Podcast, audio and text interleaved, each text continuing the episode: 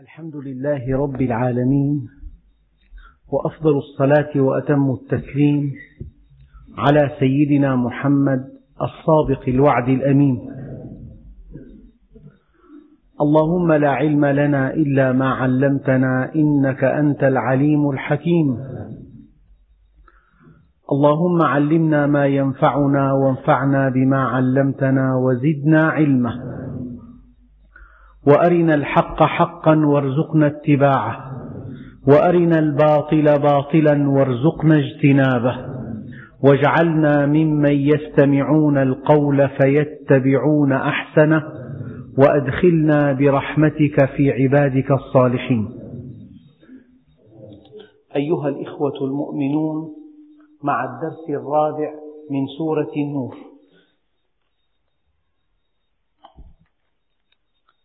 وصلنا في الدرس الماضي إلى قوله تعالى: والذين يرمون أزواجهم ولم يكن لهم شهداء إلا أنفسهم فشهادة أحدهم أربع شهادات بالله إنه لمن الصادقين. والخامسة أن لعنة الله عليه إن كان من الكاذبين. ويدرأ عنها العذاب أن تشهد أربع شهادات بالله إنه لمن الكاذبين. والخامسة أن غضب الله عليها إن كان من الصادقين ولولا فضل الله عليكم ورحمته وأن الله تواب رحيم. أيها الإخوة المؤمنون هذه الآية هي آية اللعان. أو آية الملاعنة وهذه الآية كما ورد في آخرها ولولا فضل الله عليكم ورحمته لو أن امرأ يعني شاهد امرأته تزني وليس هناك أربع شهود أربعة شهود يشهدون على هذه الواقعة فما حل هذه المشكلة؟ إن تكلم بحق زوجته يحد في نص الآية السابقة والذين يرمون الآية السابقة والذين يرمون المحصنات ثم لم يأتوا بأربعة شهداء فاجلدوهم ثمانين جلدة ولا تقبلوا لهم شهادة أبدا وأولئك هم الفاسقون. ففي نص هذه الآية هذا الذي يرى واقعة الزنا في بيته وليس هناك أربعة شهود يشهدون على هذه الواقعة. واتهم زوجته بالزنا بنص الآية السابقة لا بد من أن يجلد ثمانين جلدة. لذلك جاءت آية آيات الملاعنة فيما بين الزوجين رحمة وفضلا من الله عز وجل. يقول الله سبحانه وتعالى والذين يرمون أزواجهم. الكلام في أدب رفيع. يرمون أزواجهم. لم يقل بالزنا. مفهوم من سياق الآيات أن الحديث عن الزنا. لذلك الكلام الذي يفهم إن لم تذكره الأولى ألا تذكره. هذا من البلاغة ومن الأدب في وقت واحد. من البلاغة أن الألفاظ التي تخدش تخدش الحياء يجب ألا تذكر. ومن البلاغة أن الشيء الذي يفهم من دون أن يذكر يجب ألا يذكر. فربنا سبحانه وتعالى يقول والذين يرمون أزواجهم. بالمناسبة الزوج والزوجة. لك أن تقول زوجي أو زوجتي. وكلاهما صحيح. ولك أن تقول عروس وعريس كلاهما صحيح. العروس والعريس تطلق في اللغة على العروس والعريس في وقت واحد. فربنا سبحانه وتعالى يقول والذين يرمون أزواجهم بمعنى زوجاتهم. يرمون أزواجهم. ولم يكن لهم شهداء إلا أنفسهم. دخل البيت فجأة فإذا رجل في البيت مع زوجته في وضع مشين ماذا يفعل؟ هل يقول لهما انتظرا حتى آتي بالشهود؟ هذا مستحيل لذلك لمثل هذه الحالة الصعبة لمثل هذه الواقعة ربنا سبحانه وتعالى شرع آيات الملاعنة. فآيات الملاعنة فيها أشياء دقيقة جدا. هنا كلمة الشهادة في آيات الملاعنة. أولا الشهادة تعني الخبر الصادق تعني الخبر الصادق. أنت إذا شهدت شيئا ونقلت هذه المشاهدة إلى قاض أو إلى جهة فهذه الشهادة تعني الخبر الصادق. لكن علماء التفسير استنبطوا من قوله تعالى إذا جاءك المنافقون قالوا نشهد إنك لرسول الله. والله يعلم إنك لرسوله ولكن المنافقين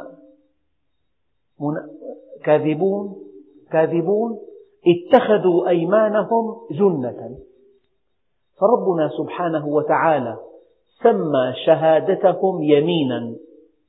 إذا الشهادة لها معنيان. المعنى الأول الخبر القاطع المبني على مشاهدة. والمعنى الثاني اليمين. والمعنى الثالث البينة الدليل.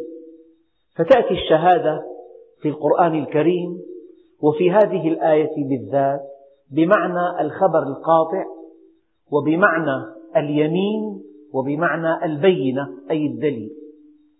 لهذا يقول الله سبحانه وتعالى والذين يرمون أزواجهم ولم يكن لهم شهداء إلا أنفسهم. فهذه إلا أداة استثناء. تقول مثلا حضر الطلاب إلا خالدا. فخالدا طالب فإذا كان المستثنى بإلا من جنس المستثنى فالاستثناء متصل قضية سهلة جدا. وإذا كان المستثنى بإلا ليس من جنس المستثنى فالاستثناء منقطع تقول حضر الطلاب إلا المدرسة فالمدرس ليس طالبا. لهذا قال الله عز وجل فسجد الملائكة كلهم أجمعون إلا إبليس. ليس معنى هذا أن إبليس من الملائكة. هذا استثناء منقطع.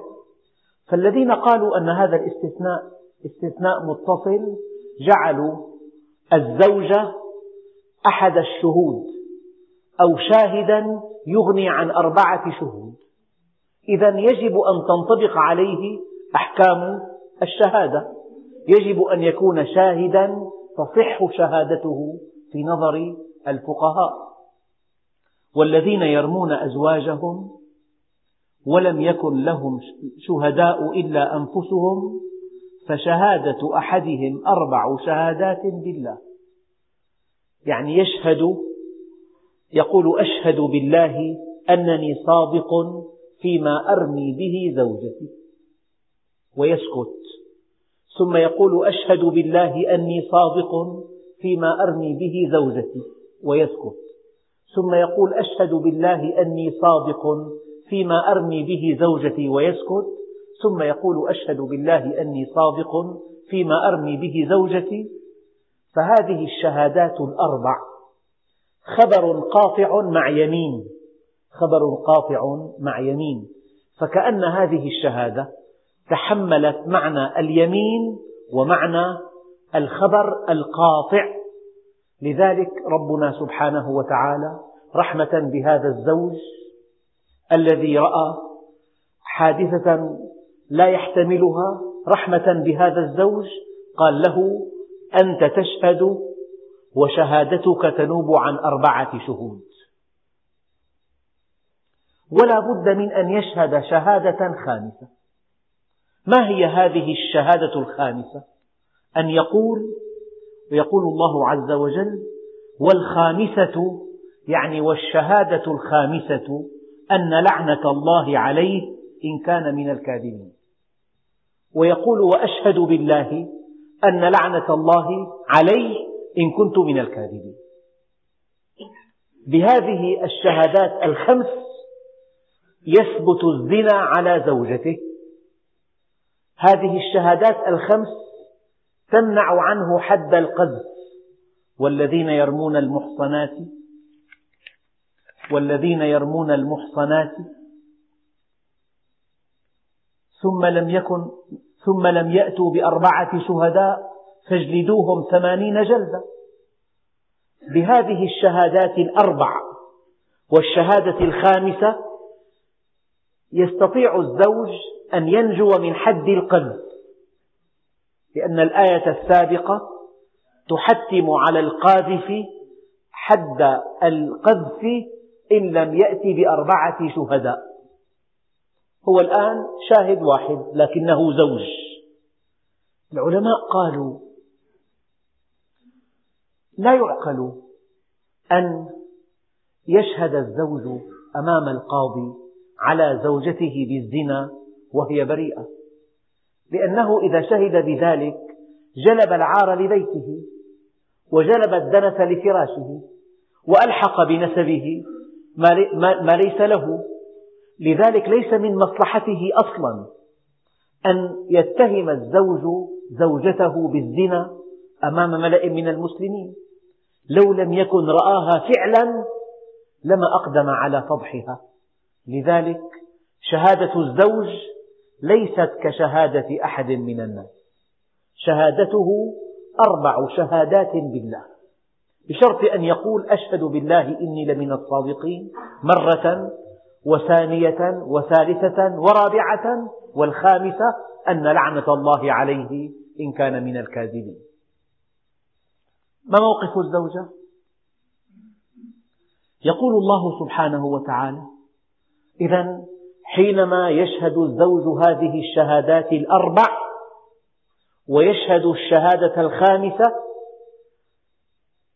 أوجب عليها حد الرجم لأنها محصنة. ودرأ عن نفسه حد القذف لأن شهادته كما قال الله عز وجل أربع شهادات بالله. لكن الله سبحانه وتعالى رحمة بالمرأة أعطاها شيئا تنجو به إن كان كاذبا. وليكن احتمال كذبه واحد بالمئة.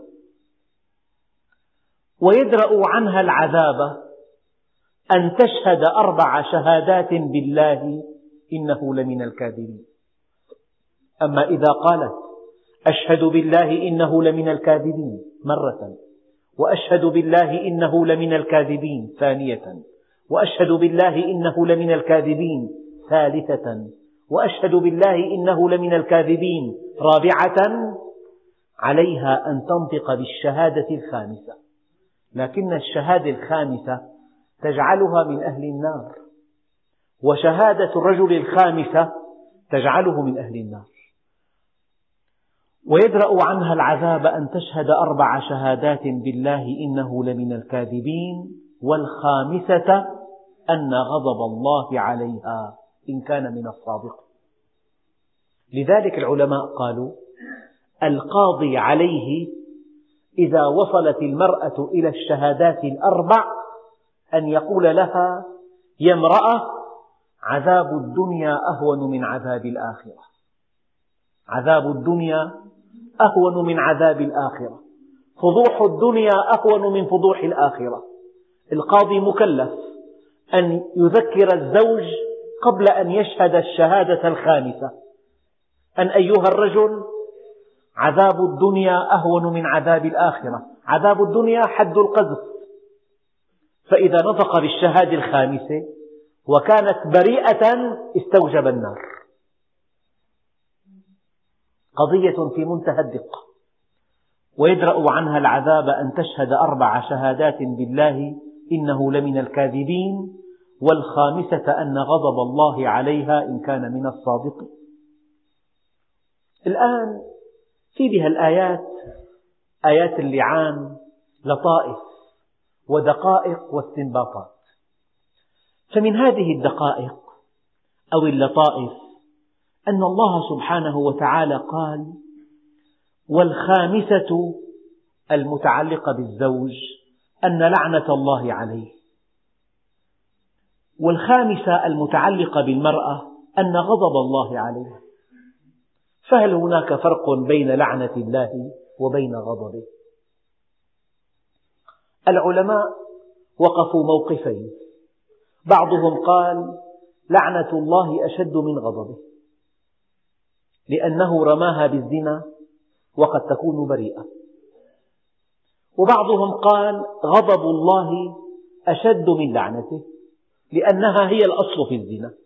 لو لم تزني لما جرت زوجها إلى هذه المشكلة. على كل اللعن هو الإبعاد. إذا قال الإنسان لإنسان لعنة الله عليه أي أن الله سبحانه وتعالى أبعده عن ذاته المقدسة أبعده عن ذاته العظيمة.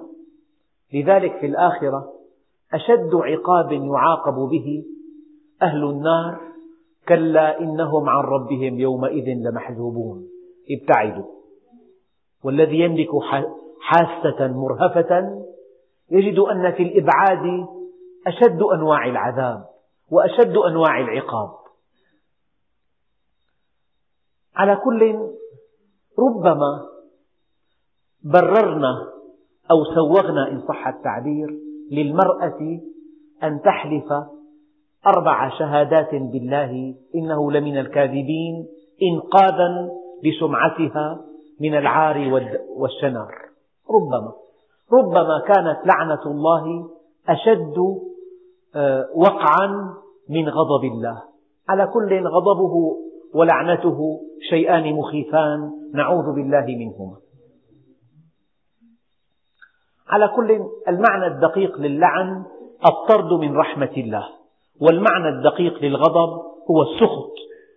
والعلماء بين أن يكون اللعن أشد من الغضب وبين أن يكون الغضب أشد من اللعن على خلاف فيما بينهم.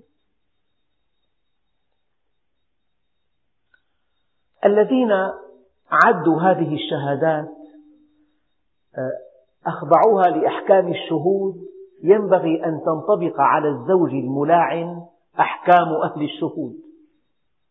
فالإنسان أحيانا يفقد حقه بالإدلاء بالشهادة. فمثل هذا الزوج الذي قد فقد حقه أن يشهد شهادته مرفوضة ولعنه مرفوض. والمرأة كذلك ما دامت هذه المرأة بإمكانها أن تشهد أربع شهادات بالله إنه لمن الكاذبين إذا هي شاهدة. إذا تنطبق عليها أحكام الشهود. والشاهد يجب أن يكون مسلما عدلا ثقة. لذلك استنبط العلماء أن اللعان لا يجري إلا بين زوجين مسلمين ولا يجري إلا بين زوجين حرين لا رقيقين. لا يجري بين حر ورقيق أو رقيق وحر. لا يجري بين زوجين غير مسلمين. لا يجري بين زوجين كافرين لأننا, لأننا طبقنا عليهما أحكام الشهود العدول.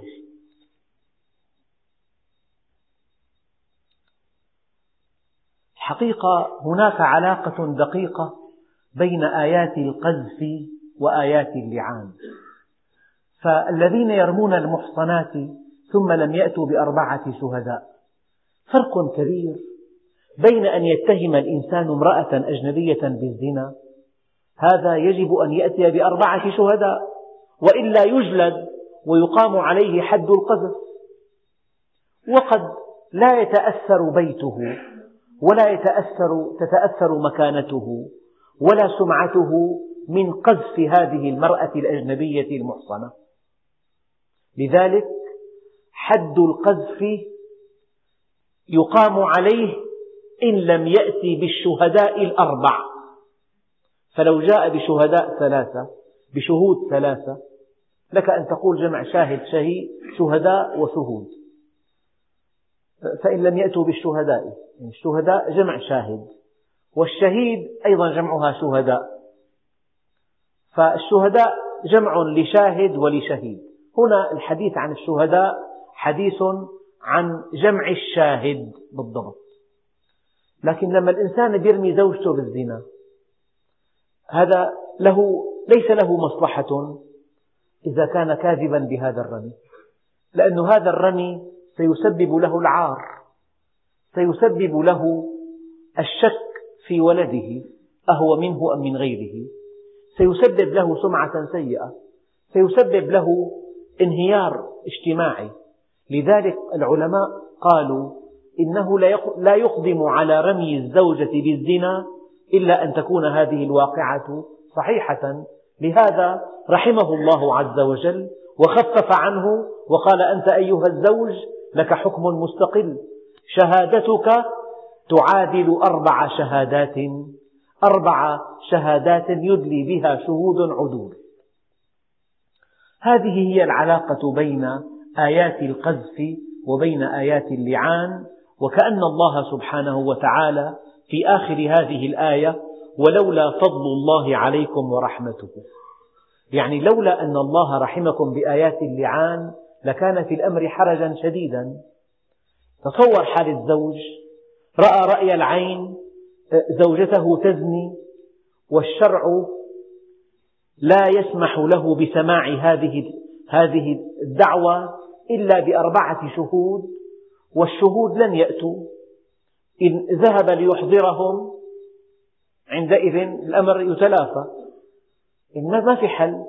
لذلك النبي الكريم حينما عرضت عليه قضية قبل نزول هذه الآية استرجع الله سبحانه وتعالى وقال لعل الله يحدث في هذا في هذا الأمر أمرا. لعله يحدث أمرا.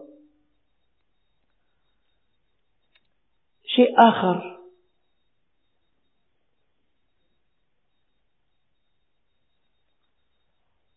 الزوجة التي يحق لها أن أن تشهد أربع شهادات بالله يجب أن تكون من النوع التي إذا قذفت بالزنا أقيم على قاذفها الحد. يعني كما تعلمون في الدرس الماضي من اتهم امرأة زانية بالزنا لا يقام عليه الحد. إذا امرأة فاجرة تزني على قارعة الطريق تزني من دون أن تختفي. تفصح عن زناها في اليوم التالي. تقول مع كنت مع فلان وفلان. هذه امرأة فاجرة. هذه امرأة لا يحد قاذفها.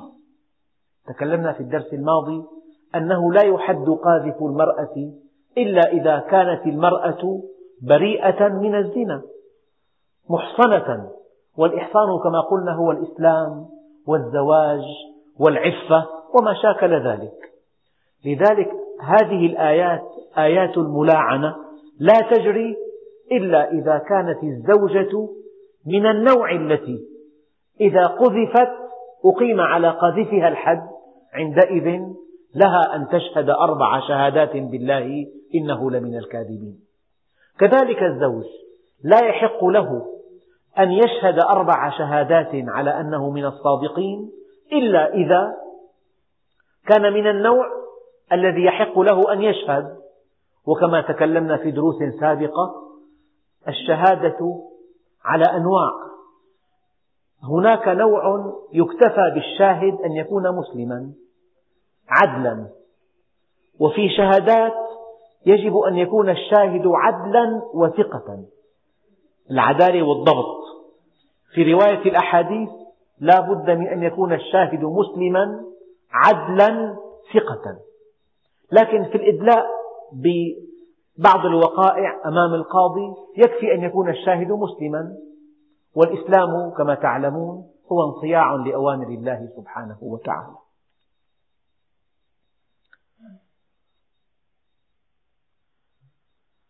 الآن العلماء على خلاف في أن آيات اللعان لا تحتاج إلى متعلق الصدق أو الكذب.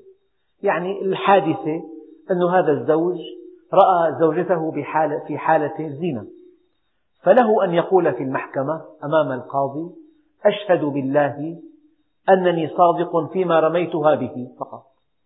ما يحتاج الزوج إلى أن يذكر بالتفصيل ماذا جرى أمام القاضي. يعني رأفة بحاله ورعاية بحق هؤلاء المستمعين وتوفيرا عليه من يعني إبداء تفصيلات قد تحرجه في ذكرها أمام القاضي. لذلك أجاز بعض العلماء أن متعلق, متعلق الصدق أو الكذب في هذه الآيات يمكن ألا تذكر. يعني أشهد بالله أنني صادق فيما رميت به زوجتي. وينتهي الأمر. العلماء أيضا على خلاف. هل يجوز أن تبدأ الزوجة بالإدلاء بشهاداتها الأربع؟ جمهور الفقهاء على أنه يجب أن يكون الترتيب كما ورد في القرآن الكريم. أن يبدأ الزوج بالإدلاء بهذه الشهادات الأربع ثم يشهد الشهادة الخامسة وبعدها يأتي دور الزوجة. حينما يشهد هذه الشهادات الأربع مع الشهادة الخامسة نجا من حد القذف الوارد في الآية السابقة. الآية السابقة توجب له حد القذف لمجرد أنه شهد أربع شهادات وفق هذه الآية نجا من حد القذف وأوجب على زوجته حد الرجم. لكن هذه الزوجة إن شهدت أربع شهادات بالله إنه لمن الكاذبين. والخامسة أن لعنة الله عليها إن كان من الصادقين. تنجو بهذا بهذه الشهادة الخامسة مع الأربع السابقة من حد إقامة الحد عليها وهو حد الرجم. والمشكلة أنه قد يكون هناك حمل لذلك أجاز بعض العلماء أن يشهد الزوج أنه صادق فيما رمى به امرأته وأن هذا الولد الذي في بطنها ليس منه بهذا ينفى عنه ينفي عنه آه، نسبة هذا الابن إليه. وكذلك المرأة تستطيع أن تنفي عن نفسها أن يكون هذا الولد من هذا الرجل. كلا الطرفين متاح لهما أن ينفيا مع إثبات صدقهما الولد الذي ليس تابعا لهما. من السنة أن يحلف أو أن يشهد الزوج وهو واقف والمرأة قاعدة. ثم تنعكس الآية تقف المرأة لتدلي بشهاداتها الأربع والخامسة وهي واقفة والزوج جالس. والقاضي عليه إن وصل الزوج إلى الشهادة الرابعة أن يخبره أن عذاب الدنيا أهون من عذاب الآخرة. عذاب الدنيا حد القذف وعذاب الآخرة النار. وعليه وعلى القاضي أيضا إن وصلت المرأة إلى الشهادة الخامسة أن يذكرها بأن فضوح الدنيا أهون من فضوح الآخرة وأن عذاب الدنيا أهون من عذاب الآخرة. ويراعى أن يشهد هذه الواقعة جمهور من المسلمين كما ورد في كتب الفقه. حقيقة كلمة ويدرأ عنها العذاب بعض الناس فهموا العذاب أنه العذاب في اليوم الآخر وليس هذا بصحيح. العذاب هنا هو عذاب الحد الذي يجب أن يقام عليها ألا وهو الرجم. لقوله تعالى وليشهد عذابهما طائفة من المؤمنين. فالعذاب هنا في هذه الآية هو حد الرجم. الآن لو أن الزوجة هي مشكلة لو أن الزوجة اتهم زوجته بالزنا وامتنع أن يلاعنها ولم يأتي بالشهود كما جاء في آية القذف. فماذا عليه؟ العلماء قالوا عليه حد القذف. إذا امتنع الزوج عن أن يشهد أربع شهادات بالله وعن أن يشهد الشهادة الخامسة التي توجب له النار. إذا امتنع الزوج عن الملاعنة فيجب عليه حد القذف وهو ثمانون جلدة نعم. شيء آخر. إذا امتنعت الزوجة عن أن تدلي بأربع شهادات أنه كاذب وعن أن تشهد الشهادة الخامسة التي توجب لها النار وجب عليها حد الرجم. ما في حل؟ قضية دقيقة جدا. إما أن تلاعن وإما أن يقام على الزوج حد القذف. وإما أن تلاعن الزوجة وإما أن يقام عليها حد الرجم شيء آخر. هذه الآيات المتعلقة بالملاعنة فيها أحكام صريحة واضحة في شأن الملاعنة في مقدمتها أن شهادة الزوج كافية بدل أربع شهود عدول يصدقون ما ادعى به. أن الزوجة تستطيع بالإدلاء بأربع شهادات بالله إنه لمن الكاذبين مع الشهادة الخامسة أن تمنع عنها حد الرجم. وتأتي السنة المطهرة لتبين أن هذه الملاعنة ينتج عنها أشياء ثلاث. الشيء الأول نفي الولد. الشيء الأول نفي الولد. والشيء الثاني الفرقة بين المتلاعنين. بعد التلاعن يحكم القاضي بالفرقة بين الزوجين. لماذا؟ لنأخذ اتهام الزوج زوجته بالزنا. لو أنه صادق في هذه في هذا الاتهام ماذا فعل؟ فضحها ونشر سمعتها السيئة بين الناس وجعلها في موطن ازدراء واحتقار من المجتمع الإسلامي. هذا إذا كان صادقا فإذا كان كاذبا فالجرم أكبر. لذلك ينشأ من ملاعنة الزوج أو ينشأ من اتهام الزوج زوجته بالزنا. ثم الملاعنة ينشأ جرح في نفس الزوجة لا يدمل أو لا يضمد أما المرأة فالتي تسبب الزنا فالتي تزني في بيت زوجها والتي تلحق العار والشنار بزوجها إنها فعلت شيئا لا يغتفر. لقد لطخت سمعته ولوثت فراشه وألحقت به ما ليس له. فإن كانت صادقة في اعترافها بهذا الذنب فجريمتها كبيرة وإن كانت كاذبة فجريمتها أكبر. لذلك النبي الكريم رأى أن كلا الزوجين جرح الآخر جرحا لا يندمل لهذا حكم بالفرقة بين المتلاعنين. لذلك لمجرد أن يلاعن الزوج زوجته يحكم القاضي بالتفريق بينهما لأن هذين الزوجين ليسا أهلا أن تقوم بينهما حياة سوية صحيحة. لكن المشكلة أن هذا التفريق على التأبيد يعني ما في طريق أبدا إلى أن تعود هذه الزوجة لهذا الزوج ولا أن يعود هذا الزوج لهذه الزوجة. فأحكام ثلاثة آه، تؤخذ من آيات الملاعنة نفي الولد عن الزوج والفرقة بين المتلاعنين والتحريم المؤبد بينهما. لكن العلماء يقولون أن الزوج أولى به أولى به.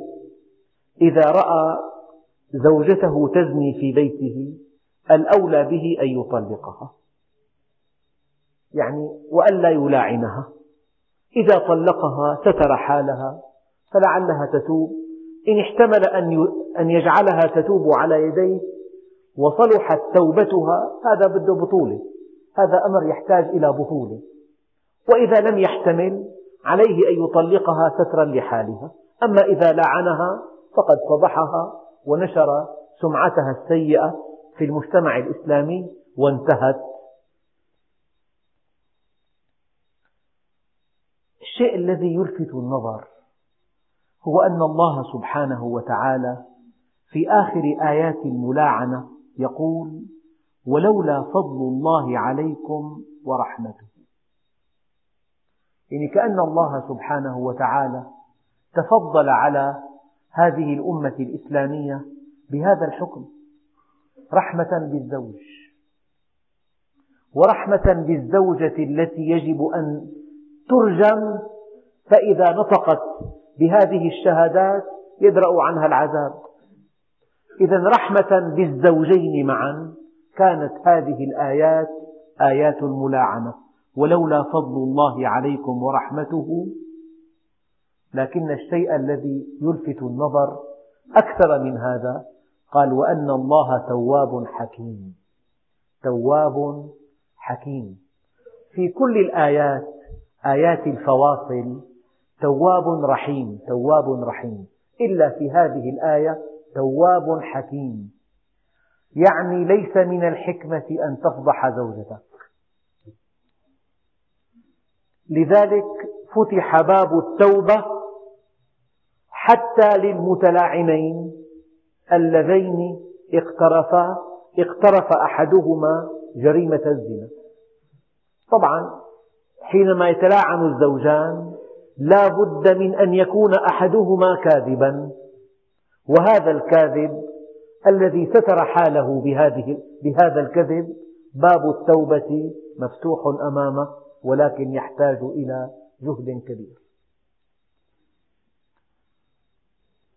هذه الآيات آيات الملاعنة مع آيات القذف مع حد الزنا تنظم المجتمع الإسلامي. يعني قضية أن تخون المرأة زوجها قضية خطيرة. إما أن تنتهي بالفضيحة وإما أن تنتهي بالفراق الأبدي من هذا الزوج. فإذا كان زوجا كريما محسنا خيرا مثلا طيبا آه، سخيا فإن الزوجة عليها أن تعد لآلاف آلاف الملايين قبل أن تفكر بأن تخون هذا الزوج. إنها تفقده وتفقد سمعتها في وقت واحد. بقي علينا آيات الإفك. وقبل أن نبدأ الحديث عن حديث الإفك الذي ورد في سورة النور في قوله تعالى إن الذين جاءوا بالإفك عصبة منكم لا تحسبوه شرا لكم بل هو خير لكم لكل امرئ منهم ما اكتسب من الإثم والذي تولى كبره منهم له عذاب عظيم. لولا إذ سمعتموه ظن المؤمنون والمؤمنات بأنفسهم خيرا وقالوا هذا إفك مبين لولا جاءوا عليه بأربعة شهداء فإن لم يأتوا بالشهداء فأولئك عند الله هم الكاذبون. ولولا فضل الله عليكم ورحمته في الدنيا والآخرة لمسكم فيما أفضتم فيه عذاب عظيم. إذ تلقونه بألسنتكم وتقولون بأفواهكم ما ليس لكم به علم وتحسبونه هينا وهو عند الله عظيم.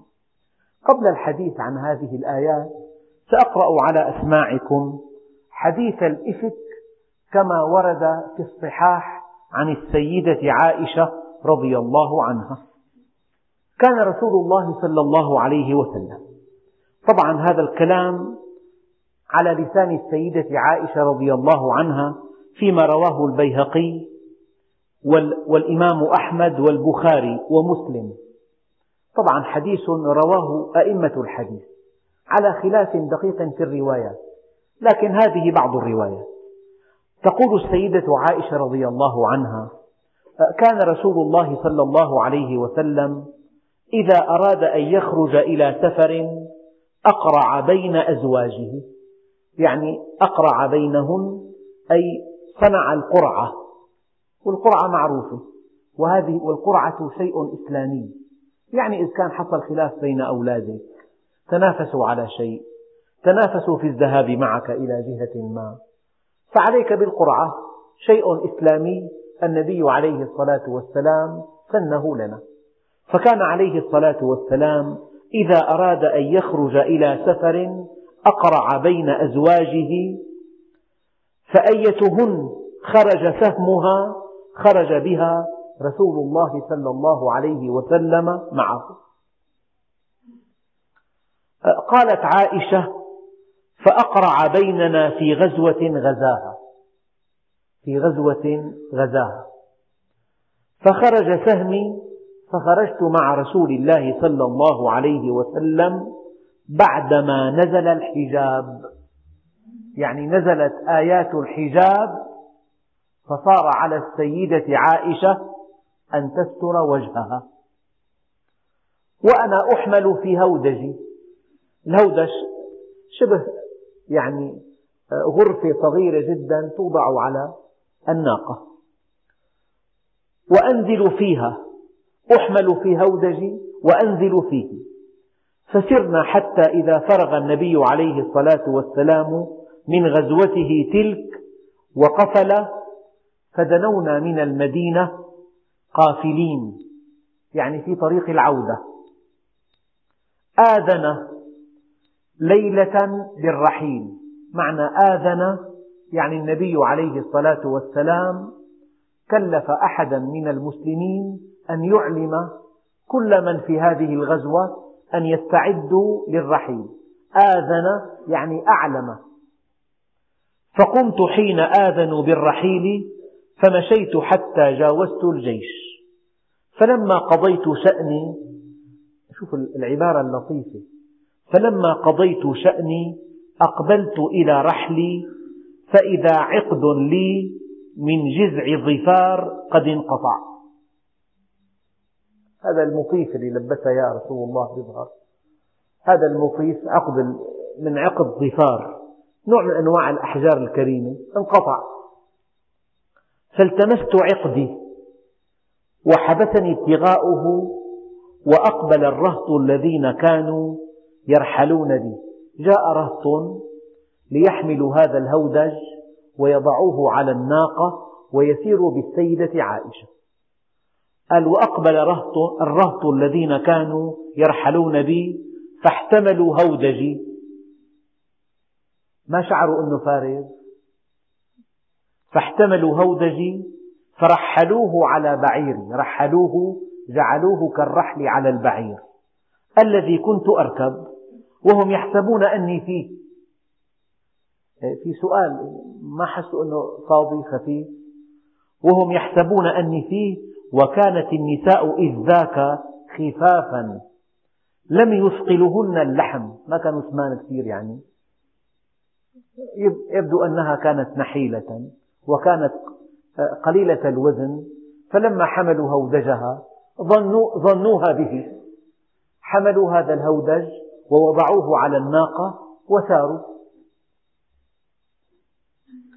وإنما إحدانا كانت تأكل العلقة من الطعام يعني ما يقيم به أودها فلم يستنكر القوم خفة الهودج حين رفعوه. وكنت جارية أنا كنت صغيرة حديثة السن. فبعثوا الجمل فساروا. فوجدت عقدي. بعدما استمر الجيش فجئت منازلهم وليس بها داع ولا مجيب ما في حد فيممت منزلي مكان نزولي المكان الذي كنت أجلس فيه. فيممت منزلي الذي كنت به فظننت أنهم سيفقدوني فيرجعون إلي. فبينما أنا جالسة في منزلي غلبتني عيني فنمت. نعم. طفلة كانت صغيرة وكان صفوان بن المعطل السلمي المعطل السلمي من وراء الجيش. فأدلج دخل في عتمة الليل فأصبح عند منزلي فرأى سواد إنسان نائم. فأتاني طبعا لما أتاني قال لا حول ولا قوة إلا بالله. إنا لله وإنا إليه راجعون. قال فاسترجع. معنى استرجع قال إنا لله وإنا إليه راجعون. إذا قلنا حوقل قال لا حول ولا قوة إلا بالله. سبحل قال سبحان الله. دمعز قال أدام الله عزك. هلل قال لا إله إلا الله. كبر قال الله أكبر. فاستيقظت باسترجاعه حين عرفني. فخمرت وجهي يعني غضيت وجهي. بعدما نزلت آية الحجاب. هذا حديث رواه البخاري ومسلم.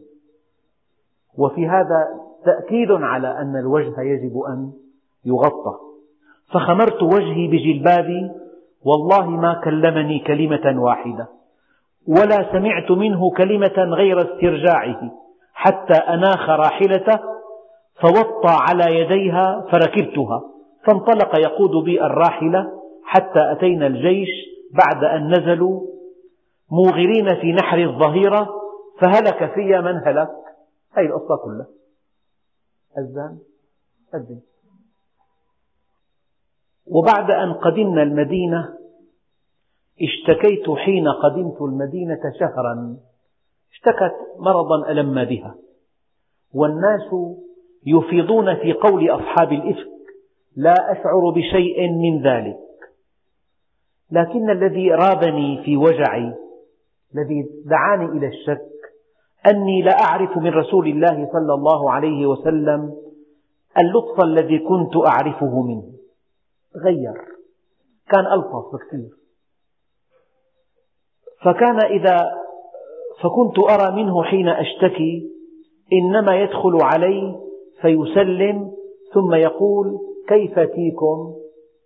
كان إذا دخل علي في أيام أخرى ورآني مريضة يقول كيف عويش؟ وهو الاسم الذي تحبه. كيف عويش؟ أما هذه المرة كان إذا دخل يسلم ولكن بحالة أقل بحالة أقل لطفا من ذي قبل. يقول كيف فيكم؟ ثم ينصرف فذلك الذي كان يريبني منه. ولا أشعر بالشر حتى خرجت بعدما نقدت وخرجت معي أم مصطح. وتقول أم مصطح تعس مصطح. فقلت لها بئس ما قلت أتسبين رجلا شهد بدرا؟ قالت أولم تسمعي ما قال عنك؟ قلت وما قال؟ فأخبرتني بما قال أو بقول أهل الإفك فازددت مرضا على مرض. فلما رجعت إلى بيتي دخل علي رسول الله صلى الله عليه وسلم فسلم ثم قال كيف فيكم؟ فقلت يا رسول الله أتأذن لي أن آتي أبوي؟ قال وأنا حينئذ أريد أن أستيقن الخبر من قبلهما. قالت فأذن لي رسول الله صلى الله عليه وسلم. فجئت أبوي فقلت لأمي يا أمتاه ما يتحدث الناس؟ قالت يا بني هوني عليك. فوالله لقلما كانت امرأة قط وضيئة عند رجل يحبها ولها ضرائر إلا أكثرن عليها الحديث. فقلت سبحان الله ولقد تحدث الناس بهذا؟ فبكيت تلك الليلة حتى أصبحت لا يرقأ لي دمع ولا أكتحل بنوم ثم أصبحت أبكي. النبي عليه الصلاة والسلام يعني سأل بعض أصحابه شاورهم في الأمر فقال بعضهم يا رسول الله أهلك هؤلاء أهلك ولا نعلم إلا خيرا. بعضهم قال يا رسول الله لم يضيق الله عليك النساء سواها كثيرة. على كل اسأل جاريتها الجارية تصدقك. فدعا النبي عليه الصلاة والسلام بريرة. فقال أي بريرة هل رأيت شيئا يريبك؟ قالت بريرة لا والذي بعثك بالحق. إن رأيت عليها أمرا إن بمعنى ما.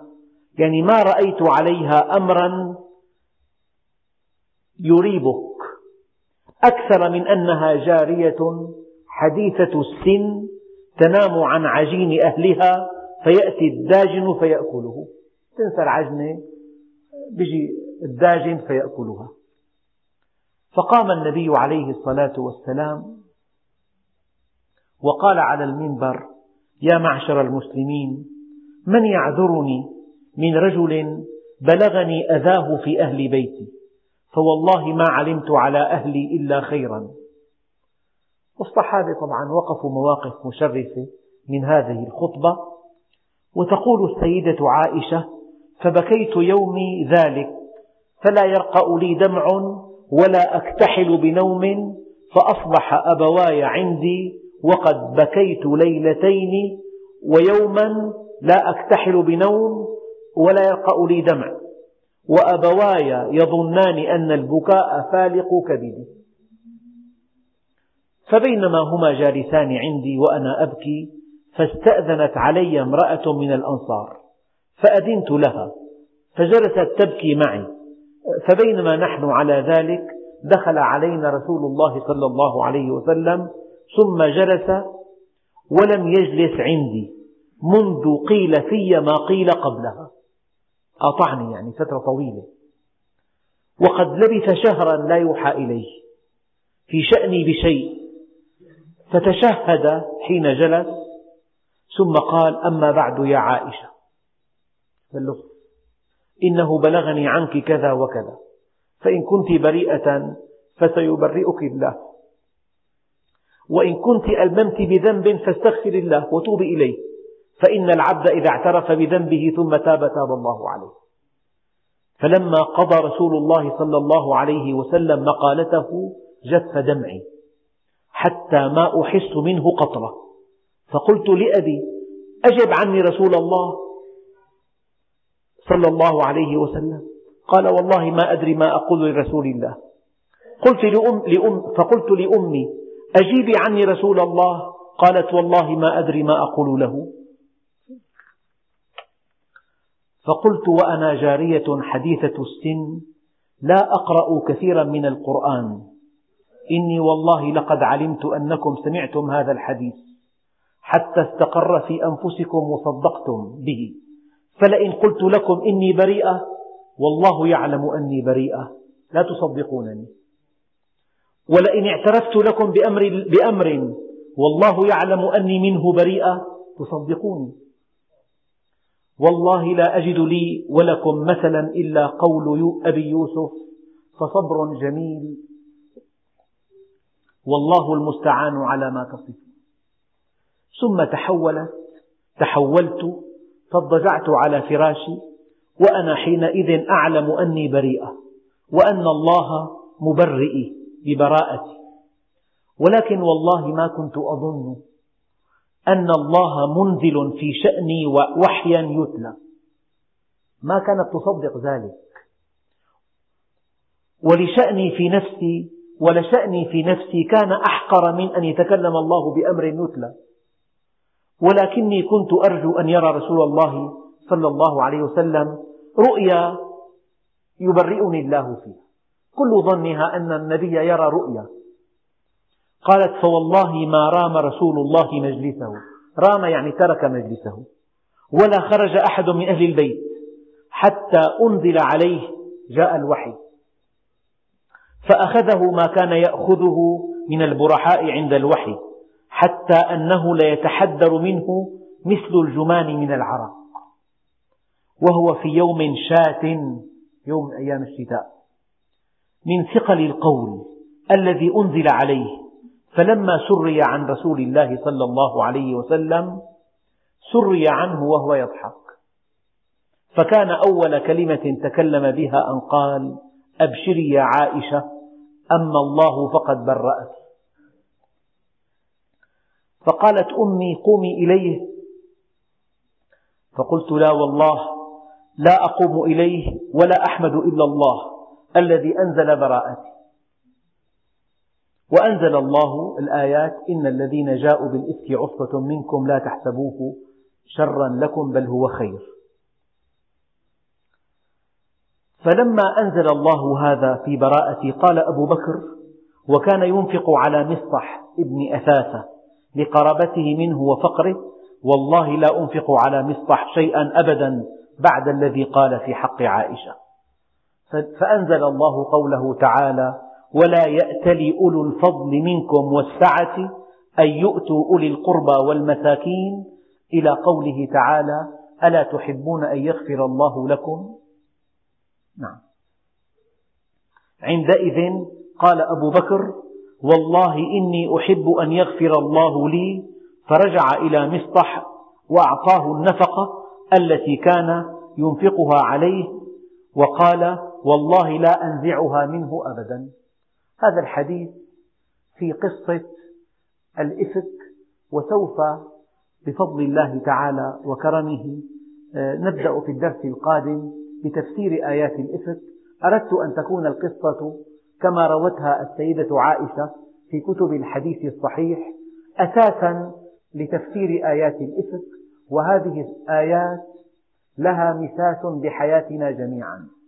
يعني قضية حينما حينما يكون تتلى آيات في كتاب الله عن قصة ما ليست ليست القصة هي المقصودة، المقصود الأحكام التي يجب أن تستنبط من هذه الآيات. في تعاملنا مع بعضنا بعضا، فكل واحد منا هذه القصة يجب أن يضعها نبراسا له في علاقاته مع إخوانه المؤمنين والحمد لله رب العالمين.